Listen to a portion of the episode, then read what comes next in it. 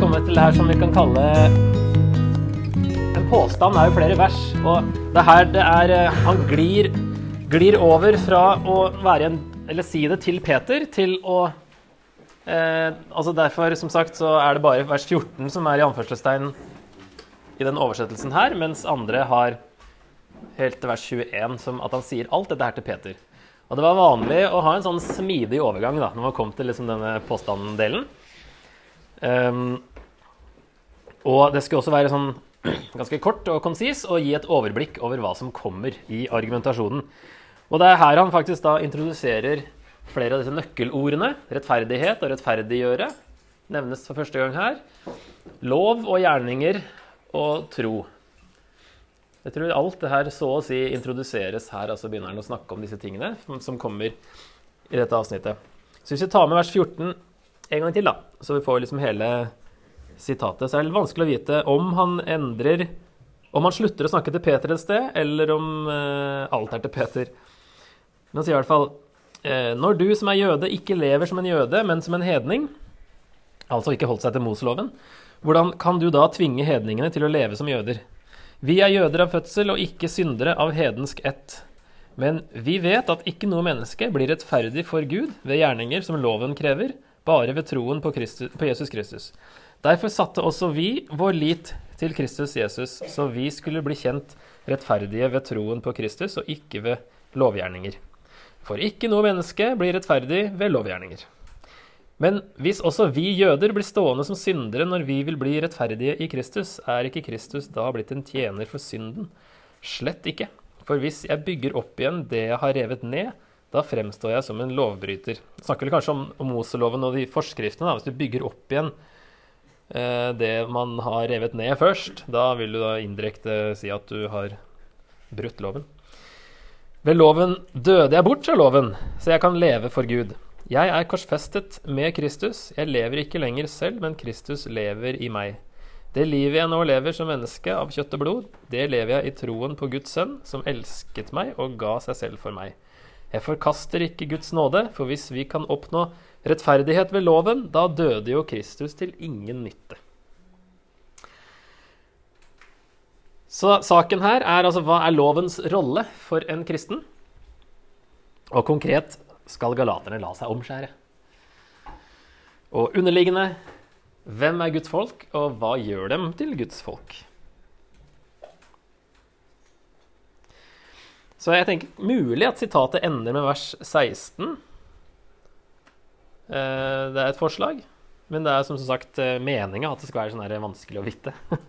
At det glir over i liksom argumentasjonen i, i brevet.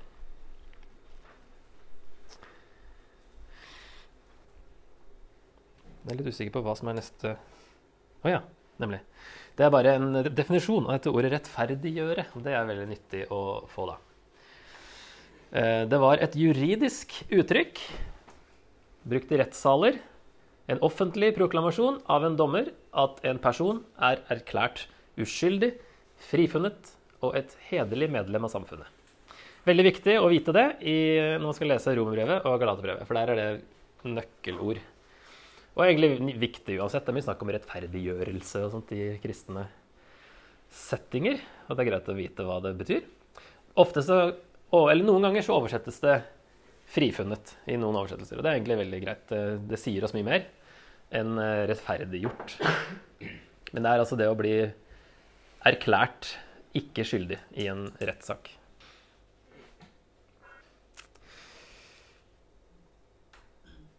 Så det her er jo sånn, eh, et juridisk uttrykk, som sagt, og da er det altså at Gud eh, gir en eh, juridisk status til den som tror.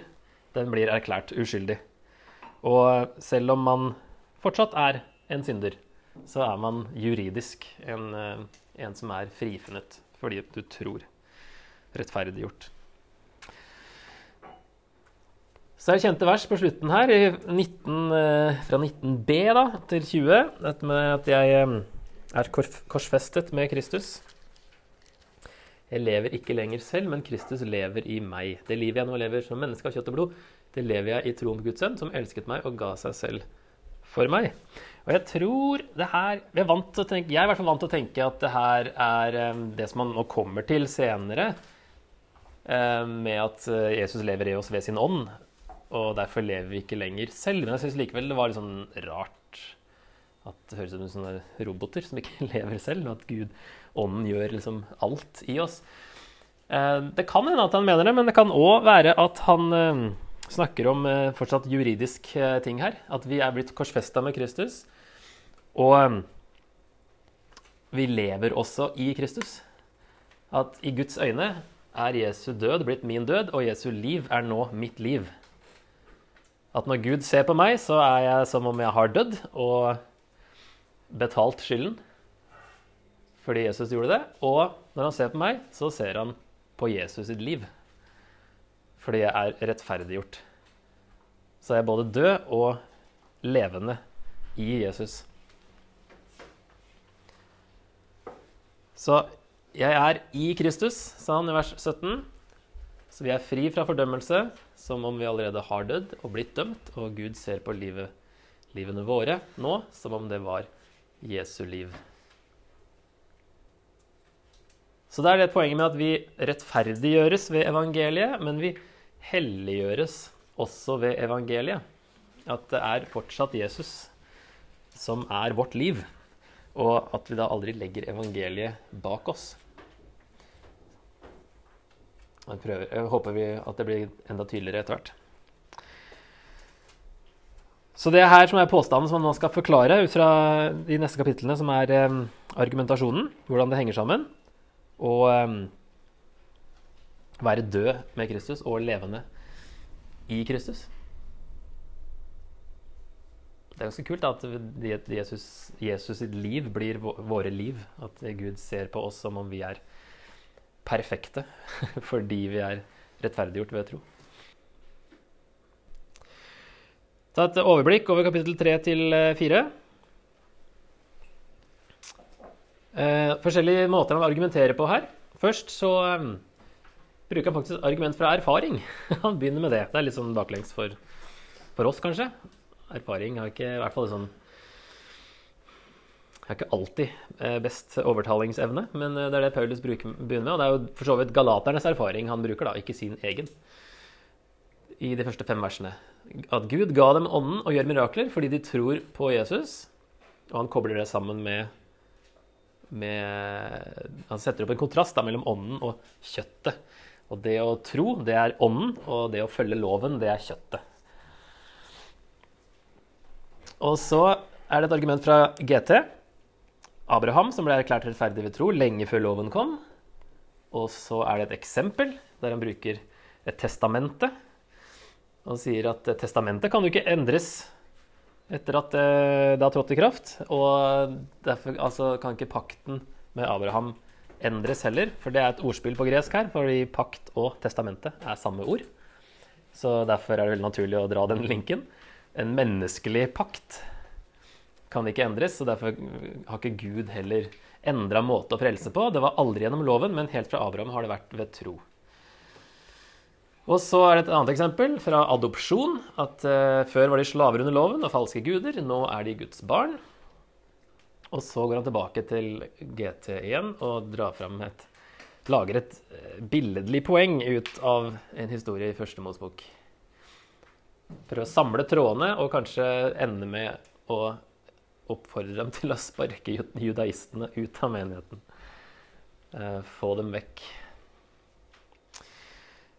Så det første Vi kan lese de fem eh, versene fra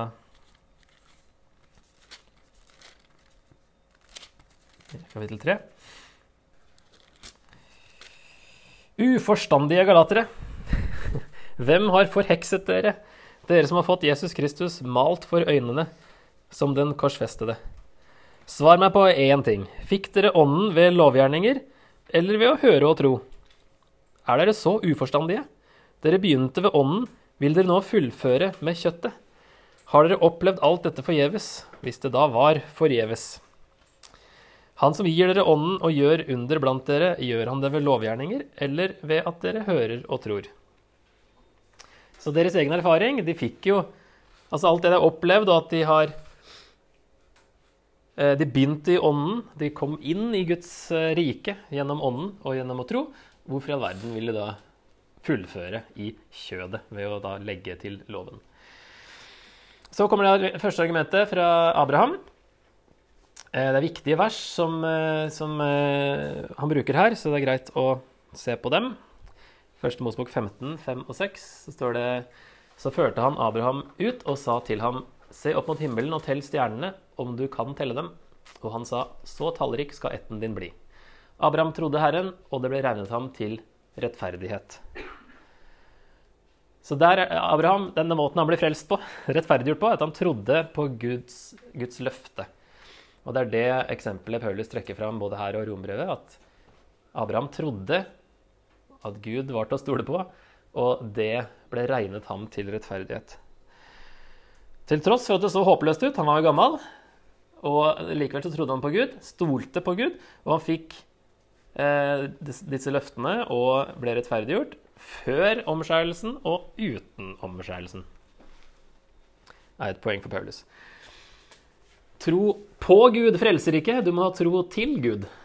Det vil si tillit til Gud og stole på at løftet hans frelser. Så for oss nå så er jo det å stole på at det Jesus gjorde, det frelser oss. Det er å, ha, det er å tro på Gud. Det er ikke å tro at Gud fins, men det er å ha tro til Gud på at løftene hans holder. Og det uttrykket her eh, ble regnet ham. Det er et sånn regnskapsuttrykk. Det ble regnet ham til rettferdighet. Det ligger jo litt i ordet.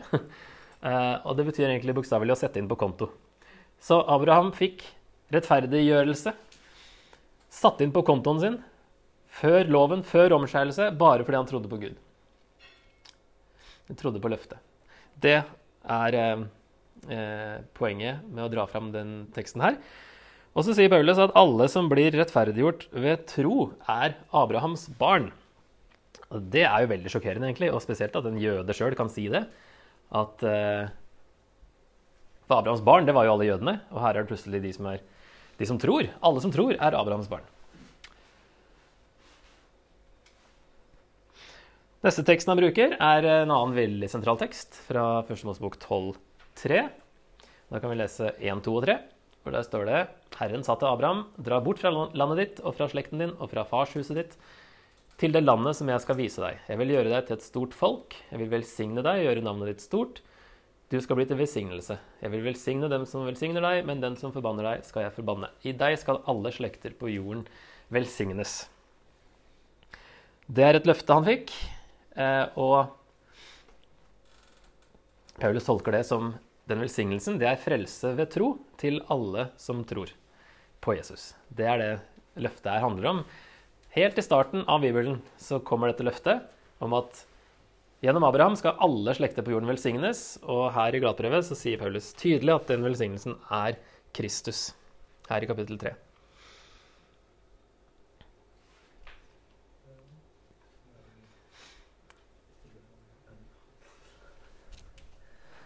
og så kommer han da, sier han i vers 15.: Mine søsken, la meg ta et eksempel fra dagliglivet. Og da kommer han til dette testamenteeksempelet, som, som sagt. Eh, samme ord, pakt og testamente, på gresk. Og så er det også eh, litt greit å få med seg at eh, når det står 'til din ett' på norsk, så står det på engelsk 'to your seed', som er litt mer bokstavelig, og som kanskje forklarer litt, eller hjelper oss å se hvordan Paulus tenker når han plutselig tolker 'etten' som Kristus, og ikke som eh, etterkommerne. For det er liksom ett bestemt sid han snakker om, eller eh, eh, Paulus snakker om, fordi det var oppfyllelsen av alt dette her. Og ikke at løftene ble gitt til alle jødene, men løftene ble gitt til Kristus.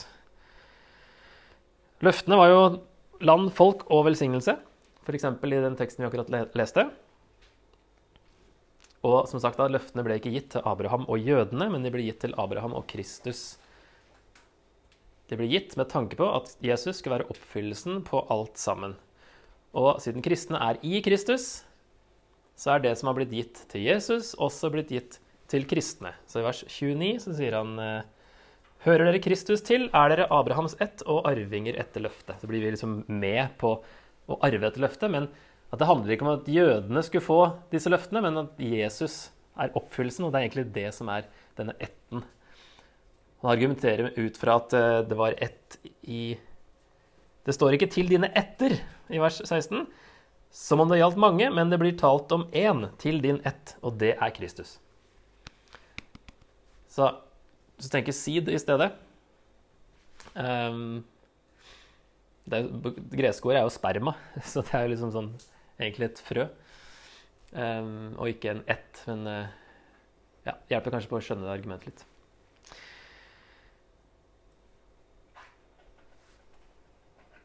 Og så eh, kommer jo spørsmålet hva så med loven? Når han sier at i vers 17 da, det jeg sier, en, eh, det jeg sier er en pakt som Gud først har gjort gyldig, altså det at Abraham ble rettferdiggjort ved tro, blir ikke opphevet av loven som kom 430 år senere, slik at løftet settes ut av kraft.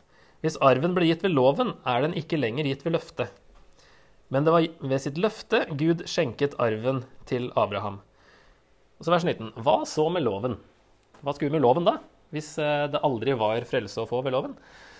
Den ble gitt som et tillegg pga. våre lovbrudd, helt til den etten kom som løftet gjaldt, altså Jesus.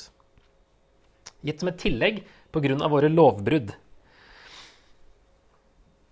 For at vi skal vite hva vi skulle vite hva som var synd, ikke vi, da, men jødene. Vite hva som var synd, de, eh, hvordan de skulle gjøre opp for synd, og da gjør det mulig å ha Gud boende midt iblant dem når han var hellig og de var syndere.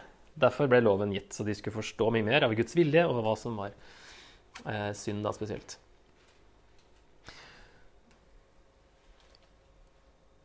Og så sier han eh, at Skriften har lagt i vers 22 alt under synden for at de som tror på Jesus Kristus ved sin tro, kan få det som var lovet. Før troen kom, var vi i varetekt under loven, innestengt helt til den tro som skulle komme, ble åpenbart. At her var vi Alt var lagt under synden. Vi var låst. Alle var låst inn. Stengt inne, står det i den Bibelen Guds ord. Der det står 'lagt under' i den, den her. Så det er mer bokstavelig å være innelåst, som samme ordet brukes i neste vers, som å være innestengt. Så her loven beskrives som en fangevokter, og at troen da kom med frihet fra å være innestengt. Og eh, det var da umulig å få del i løftet uten gjennom tro på Jesus. Fordi vi var innestengt der og kom oss ikke ut eh, av oss sjøl. Og så sier han i vers 24 da, at eh, slik var loven vår vokter til Kristus kom, for at vi skulle bli kjent rettferdige ved tro. Men nå når troen er kommet, er vi ikke lenger under vokteren. For dere er alle Guds barn ved troen i Kristus Jesus. Vokter, det er jo egentlig ordet pedagog, som ikke har noe med lærer å gjøre, men en gutteleder, er det det bokstavelig betyr. Eh, og det var en, vanligvis en slave som passa på spesielt guttene da, fra de var ca. seks år til slutten av tenårene. Og han ga moralsk veiledning, og han kunne også bruke fysisk straff. Eh, så Paulus bruker det bildet på at eh, siden sånn en vokter var tidsbestemt fra seks til slutten av tenårene, så var loven også tidsbestemt eh, inntil Jesus kom, og at den vokta, disiplinerte og informerte om Guds vilje. Så har jeg lagd en veldig fin grafisk fremstilling av det her, for å summere opp. Tidslinja her. Så har vi Abraham helt i starten. Han får da løftene, eller løftet, spesielt, at eh, rettferdiggjørelsen skulle komme ved tro. Og så litt senere så kommer Moses, og da har vi en eh, periode med loven, som var da et tidsbestemt tillegg. Og jødene da var i lovens varetekt, som Paulus kaller det her. Så kom Jesus, eh, som han også kaller for etten, og troen, da troen kom. Og det var det som det hele greia pekte fram mot. Og nå er vi da Guds barn ved troen. Sånn at loven har aldri kunnet gjøre noen ting. Si. Mennesker ble alltid frelst ved tro, slik som Abraham ble frelst ved tro. Aldri frelst ved loven. Han sier her at eh, hvis det var gitt en lov som kunne gi liv, i vers 21, ville vi virkelig vinne rettferdighet ved loven. Men loven kommer nesten med det motsatte enn liv. Så når de da de har lyst til å gå tilbake igjen til loven, disse galaterne, de lurer på om de skal gjøre det, da, om de må gjøre det, så sier de jo egentlig da at eh, Jesus oppfylte ikke løftene. Eh, Jesus setter oss ikke fri. Jesus tok seg ikke av syndene våre. Og også at løftet gjelder bare jødene. Derfor må vi bli jøder. Så det var i hvert fall vers 19-26 eh, grafisk. Med litt tolkning. OK. Tror vi går litt fortere fremover nå, hvis jeg husker rett. Kapittel fire um, tror jeg faktisk vi skal skippe. eller den første sliden her. Uh, eller nei, vi tar den kjapt, skal vi det? Ja, ok, greit. Nå har jeg ikke tid til å lese alt, så vi får bare stole på at dere husker. Men han sier da at før så var de slaver under grunnkreftene i verden. Han sier de var under loven, slaver under loven, og de var slaver under guder som ikke er virkelige guder. I kapittel 4. Um, ehm, disse grunnkreftene det tolkes forskjellig. Det står vel 'verdens makter' i noen oversettelser. Uh, fordi det er vanskelige ord å vite hva det betyr, men uh, det kan bety grunnleggende prinsipper. Rent sånn teoretiske si, elementære ting du lærer på skolen. Og her i Hebreerne 12 så er det elementære ting i eh, kristendommen. Eller så kan det bety eh, stjerner og planeter. Og en videreføring av det er at det kan bety åndelige makter som da var symbolisert med stjerner og planeter. Så det er vanskelig å vite akkurat hva Paulus mener. Men han eh, ser ut til å legge Moseloven inn som en del av disse grunnleggende prinsippene, kanskje religion generelt. Og at hedningene var slaver under noe lignende i sine tidligere religioner. Jesus har kjøpt oss alle fri. Nå er vi ikke lenger slaver under noe, uansett hva det var før men vi er blitt Guds barn. Så hvorfor vil dere gå tilbake til det gamle? er spørsmålet hans. Mange, er jo, Nå er han inne på dette adopsjonseksempelet. Eh, Hvorfor vil dere bli slaver når dere er blitt fri og dere er blitt barn? Hvorfor vil dere nå legge dere under noe igjen? Og, og inn i religion igjen, liksom. Det er helt baklengs. Og så er det der merkelige argumentet til slutt. Et billedlig poeng fra GT i slutten av kapittel 4, der han eh, går til første Mosebok 21 og sammenligner slavekvinnens sønn Ismail og den frie kvinnens sønn, som det er Isak. Og det her er jo ikke utleggelse av teksten. Dette er, han ser en, et annet bilde i eh, denne teksten, da. Kanskje disse judaistene har henvist til den her, de òg. At det er derfor han eh, plutselig bruker den. Det er veldig rar, rar argumentasjon til Paulus å være. Eh, så det er ikke sånn her at det her er liksom det historien først og fremst betyr, men han ser da en Det står at det har en dypere betydning. Eh, er ikke det? Eh, dis, dette har en dypere mening i vers 24, men en billedlig betydning står det i andre oversettelser. Og det er egentlig bare en annen mening. Dette har en annen mening også. Og så ser han da lager en sammenligning mellom at eh, eh, de som holder seg til loven, er egentlig etterkommere av Hagar, slavekvinnen, og Ismail, som da ble liksom alle altså stamfar til araberne. Ganske fornærmende ting Paulus kommer og sier her, at disse, disse jødekristne er egentlig eh, etterkommere av Ismail. Mens eh, de som tror, er etterkommere av Isak, fordi han ble født ved Guds løfte, og vi blir også frelst ved Guds løfte, og ikke etter naturen. Gamle pakt, nye pakt. Barna blir født til slaveri under loven. Barna er født til frihet ved troen. Nåværende Jerusalem, altså jordiske, og himmelske Jerusalem. Jeg lager en kontrast der. Kjøttet og loven igjen mot løftet og ånden og det å stole på Gud. Og så er det til slutt der han sier at eh, Driv bort slavekvinnen og sønnen hennes, for slavekvinnens sønn skal ikke arve sammen med den frie kvinnens sønn. Kanskje er han indirekte sier da at driv dem ut. Um, dere er arvinger, de er ikke det. Dere, de kan ikke Altså, de, har, de, står og vurderer om de skal omskjæres, om de skal bli med på det her. Og Paulus, det er ikke noe sånt Kanskje de er en fullverdig del av menigheten, disse judaistene? Eller kanskje de prøver å overta menigheten? Det vet vi ikke. Men at i hvert fall Det går ikke an å forene disse to, da. Så kommer vi til nøkkelvers og klimaks. Det er jo viktigere, på en måte. Kapittel 5. Til frihet har Kristus frigjort oss. Stå derfor fast, og la dere ikke tvinge inn under slaveåket igjen. Hør hva jeg, Paulus, sier dere. Hvis dere lar dere omskjære, vil ikke Kristus være til minste hjelp for dere. Jeg erklærer igjen, hver den som lar seg omskjære, er forpliktet til å holde hele loven. Dere som vil bli rettferdige ved loven, er skilt fra Kristus. Dere er falt ut av nåden. Så her bruker han litt sånn eh, regnskapsord igjen. Eh, det var eh, minste hjelp og forpliktet. Kan også sies da Hvis dere lar dere omskjære, vil ikke Kristus gi dere noe avkastning. sånn fra regnskapet. Hver den som lar seg omskjære, setter seg i gjeld til å holde hele loven. Så de er jo i nåden allerede, men de står og holder på å falle ut av nåden ved å eh, legge til noe. Og de lurer på hva som trengs for å forbli i nåden, og de tror at Moseloven trengs. Bud og regler trengs for å være en del av Guds folk. Og så Altså, hvis man Når man er i nåden, da, hvis man faller hvis man, er, altså, man, man faller i nåden ved tro. Man faller ut av nåden om man er lovisk. Så lenge du tror, så er du i nåden, og du snubler og faller. Det skjer. Men du faller i nåden. Men hvis du begynner å skal rettferdiggjøre deg sjøl, da detter du faktisk ut av nåden. Jeg syns det er et veldig kult og kraftig bilde, og det verset var favorittverset mitt lenge. 5-4. For det var så frigjørende å vite at uh, hvis jeg prøvde å rettferdiggjøre meg sjøl, så detter jeg faktisk ut av nåden.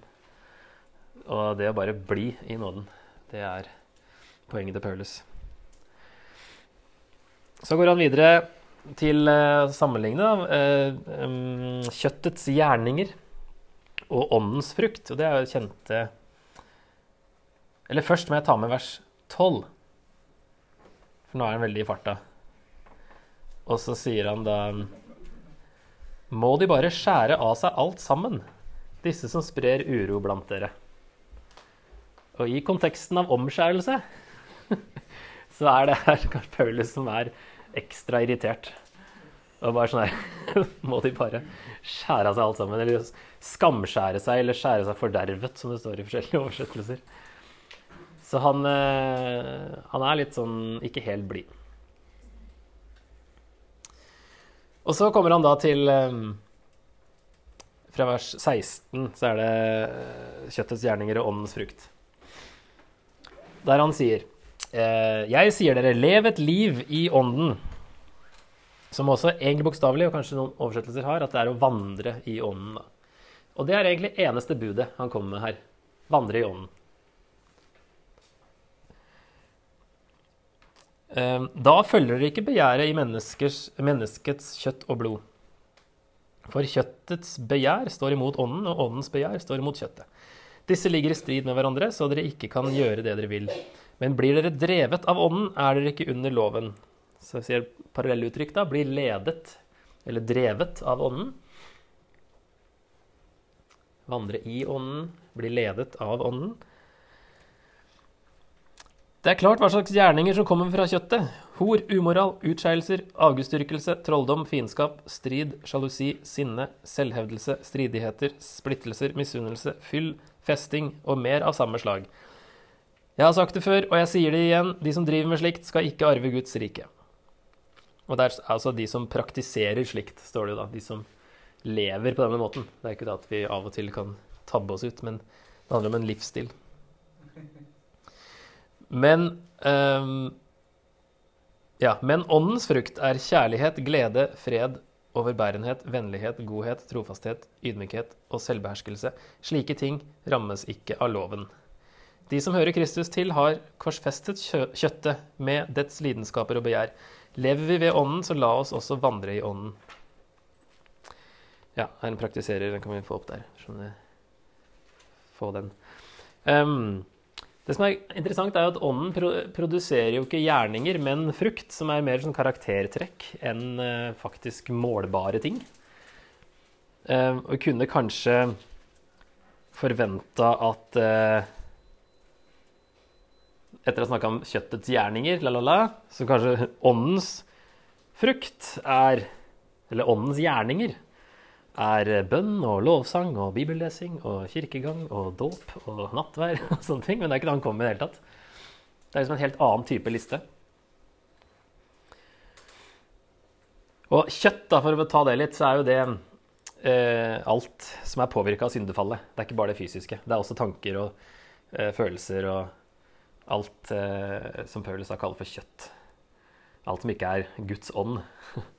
Um, så det er ikke bare det fysiske. Det er ikke en sånn platonisk todeling, men det er alt som er påvirka av syndefallet. Så da sto det ofte, tidligere utgaver i hvert fall, 'vår syndige natur', der det nå står 'kjøttet', og der det har stått 'kjødet' i eh, eldre utgaver. Ja. Uh, tror du Paulus skriver bevisst uh, frukt med i entall, liksom? Mm.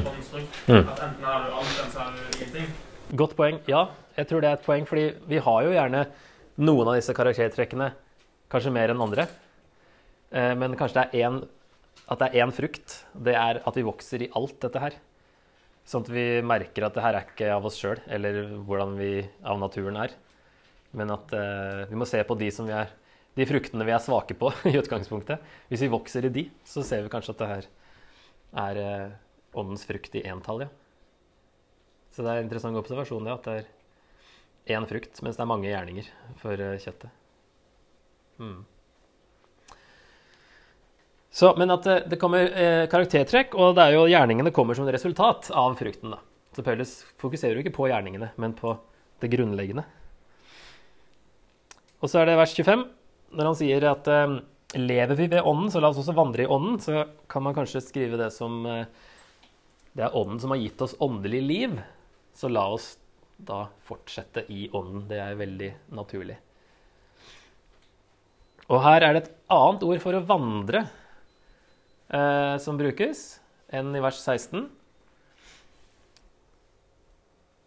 Det handler egentlig altså et sånt ord om soldater som står eller går på rekke.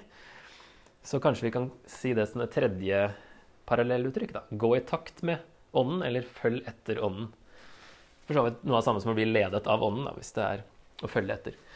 Så tre sånne ting Paulus snakker om her, og eh, at det er det det handler om. Det handler ikke om bud og regler, det handler ikke om Mosloven. Det handler ikke om å Altså Det vi trenger for å fortsette som guttfolk, folk, å være en del av Guds rike, det er ånden. Så får det til å høres veldig lett ut. At eh, bare vandre i ånden, så kommer alle disse fruktene, og da vinner dere over kjødets begjær, osv. Prøve å ta litt mer Altså, ja, det er vanskelig å vite hvordan det funker i praksis. Eh, fordi det er jo ikke så lett som eh, det høres ut som. Og Paulus må jo skrive brev fordi det ikke går på skinner. ikke sant? Alt blir jo ikke bare eh, at vi aldri synder eller eh, alltid vet hva vi skal gjøre og i hvilke situasjoner. Men at han må jo skrive brev for å, for å forklare dem hva det vil si. Men han mener at alt det de trenger, alt det vi trenger, det er i oss allerede. Ved Jesu egen ånd som bor i oss og vil eh, hjelpe oss til å vokse, og at vi trenger ikke noe å legge til noen ting. At vi er kommet inn i Guds rike bare pga. tro, og vi forblir i Guds rike bare ved troen på Jesus fordi vi har Ånden som hjelper oss. Nå har jeg glidd litt over i sånn anvendelse, men vi er ikke helt ferdig med brevet. Men Paulus blir også praktisk her. Eh, når han eh, Fra vers 26 har jeg satt da, neste bolk til 6.10, som er slutten på argumentasjonsdelen. da. For det Først sier han som et negativt eksempel la oss ikke være drevet av tom ærgjerrighet så vi utfordrer og misunner hverandre. Det er altså eh, ikke livet i ånden. eh, og så kommer det 6.1. Eh, mine søsken, hvis en av dere blir grepet i et feiltrinn, må dere som har ånden, hjelpe ham til rette. Men gjør det med et ydmykt sinn, og pass deg selv så ikke du også blir fristet. Det å hjelpe de som trår feil, hjelper dem til rette, det er eh, en praktisk eh, del av livet i ånden. Og så ikke minst vers 2.: Bær byrdene for hverandre og oppfyll på den måten Kristi lov. Paulus snakker om Kristi lov et annet sted, og det er i første Korinterbrev, når han sier at for dem som ikke har noen lov, altså hedningene, lever jeg som om jeg var uten lov, for å vinne dem. Enda jeg ikke er uten lov for Gud, men er bundet av Kristi lov. Så der setter han opp Kristi lov som en kontrast til Moseloven. Og sier ikke at han lever helt eh, uten hemninger. Han, jo, han, han er på en måte bundet av en lov, han òg, selv om det er en helt annen type lov. Men det er Kristi lov som han forklarer her som å bære hverandres byrder, som er egentlig ca. det samme som han sa i 5.14 om å elske sin neste som seg selv. At det er det som eh, oppfyller loven. Hele loven blir oppfylt i dette ene budet. Du skal elske de neste som deg selv. Det er veldig sånn rammeverk for hva Kristi lov er, og hva livet i ånden går ut på. Som Jesus eh, oppsummerte loven som, og som Paulus bruker her. Og så er det vers eh, seks, der det står eh, den som eh, får en, nei, skal jeg eh, Den som får opplæring i ordet, skal dele alt godt med sin lærer. Det er et punkt han kommer med her. Får du bra eh, opplæring i ordet, så del alt godt, hva nå det vil si, med læreren. Og så en oppsummering på en måte i vers 10. Gjør godt mot alle, spesielt mot søsken i troen. Så det, liksom, fall, det virker som han går på praktiske eksempler med en gang. Og så har jeg prøvd Skal vi se, vi kan jo ta om det er noe for slutten her. eh. Ja, for den avslutninga er faktisk satt som overskrift her òg. Avslutning fra 6.11. Se hvor store bokstaver jeg bruker når jeg egenhendig skriver dette til dere. Så han virker som han tar pennen sjøl i avslutninga og skriver eh, siste biten sjøl. Han har jo sikkert brukt en sekretær, som han ofte gjorde. Og um, liksom nå er store bokstaver. Er mange teorier på hva han mener med det, men eh, poenget er vel at nå må dere høre godt etter. Nå skriver jeg med min egen hånd, og jeg skriver med store bokstaver. Det her er viktig. Og så sier han, jeg vil aldri være stolt av noe annet enn av vår Herre Jesu Kristi kors, i vers 14. Ved det er verden blitt korsfestet for meg, og jeg for verden. For det som betyr noe, er ikke å være omskåret eller uomskåret, men å være en ny skapning. Og så sier nest siste verset. Heretter må ingen plage meg mer, for jeg bærer Jesu merker på kroppen min. Vær sånn. Høres litt lei ut av hele greia. Ikke plag meg mer nå. nå. ja. OK. Eh, så jeg har prøvd å mm, summere opp da, hva det vil si å leve i ånden, ut fra det brevet her. Altså, hvordan gjør vi det praktisk? Ikke sant? Hva, hva, er, hva er vår rolle i det? Om det er en rolle. Da må jeg gjerne få innspill fra dere, for det er sånn jeg føler ikke jeg har landa helt um, på at det da ikke skal bli noe lovisk. At det er bare ånden. Men jeg prøver å oppsummere litt fra brevet, så um, tror jeg det handler om å la Jesus vinne skikkelse i oss, som han sier i 4.19. At vi ligner mer og mer på han ved å følge hans eksempel og undervisning ved hjelp av hans egen ånd, som Gud har sendt inn i våre hjerter. Det la jeg merke til for første gang nå. At i 4.6 så står det at eh, fordi dere er barn, har Gud sendt sin sønns ånd inn i våre hjerter. Da er det plutselig ikke en hellig ånd eller sin ånd eller ånden, men det er Jesus, Jesu ånd som bor i oss, og som hjelper oss til å bli mer lik han, og som vinner skikkelse i oss. Men Paulus klager over det da i 4.19, at eh, han har ikke vunnet skikkelse i dem ennå, galaterne. Mine barn, som jeg igjen må føde med smerte til Kristus får skikkelse i dere. Jeg skulle ønske jeg var hos dere nå og kunne bruke en annen tone når jeg snakker, for jeg vet ingen råd med dere. Så det går ikke automatisk opp på skinner, men det er det målet er, da. Å la Jesus eh, få skikkelse i oss. At vi, vi har han, han sjøl i hjertene våre og la han påvirke oss. Og da er det jo naturlig å lese Bibelen og be, ikke sant? Men det er ikke krav. Men det er naturlig for å vite mer om mer spesifikt hva Jesus ville gjort. Hvordan han er. Og så snakker han om å ha korsfestet kjøttet med dets lidenskaper og begjær, fordi vi hører ham til, i 524. Etter å ha fått ham malt for øynene som den korsfestede, i 3.1. Så vi stopper synden på motivasjonsnivå og ikke på oppførselsnivå. At, eh, at det er det å få malt Altså det er noe sånn grafisk, nesten. Å få sett Jesus på en så livlig måte. Når du forstår evangeliet, når du virkelig forstår evangeliet, så det som skjer da, er at du, du, du dør med Jesus, og du korsfester da kjøttet med lidenskap og begjær. Selv om du fortsatt har en syndig kropp ikke sant? til Jesus kommer tilbake, så har vi samme kroppen. Og det er denne kampen mellom ånden og, og kjøttet, men at hvis vi holder oss til ånden, så taper kjøttet, selv om det fortsatt er en trussel. Handler det litt om hva vi lar oss friste av, altså vi, hvor mye vi utsetter oss for fristelse? Det er naturlig å be når vi blir frista, så det blir en sak Det blir ikke et krav å be, men det er veldig naturlig å gjøre det. Eh, å leve rent og hellig, sånn som Jesus ville gjort. Eh, og da blir det at ja, motivasjonsnivå ikke oppførsel. Det blir ikke sånn self-help program eh, å stoppe synden hele veien, men at det, det går, skjer på et eh, annet nivå tidligere. Da. Hvis vi virkelig har fått malt for øynene hvem Jesus er, og hva han gjorde. Men som sagt, likevel eh, så må vi ta imot veiledning. Paulus skrev brev fordi det var nødvendig, selv om de var nye skapninger og hadde ånden. Og jeg lurer på om det er en sammenheng mellom det han sier ånden, sammenheng mellom ånden og Guds ord, som han snakker om i kapittel 3. 1-5. Med at de fikk ånden ved å høre og tro. De hørte evangeliet, og da fikk de ånden. Eh, og når vi har Guds skrevne ord, så er ånden i det òg.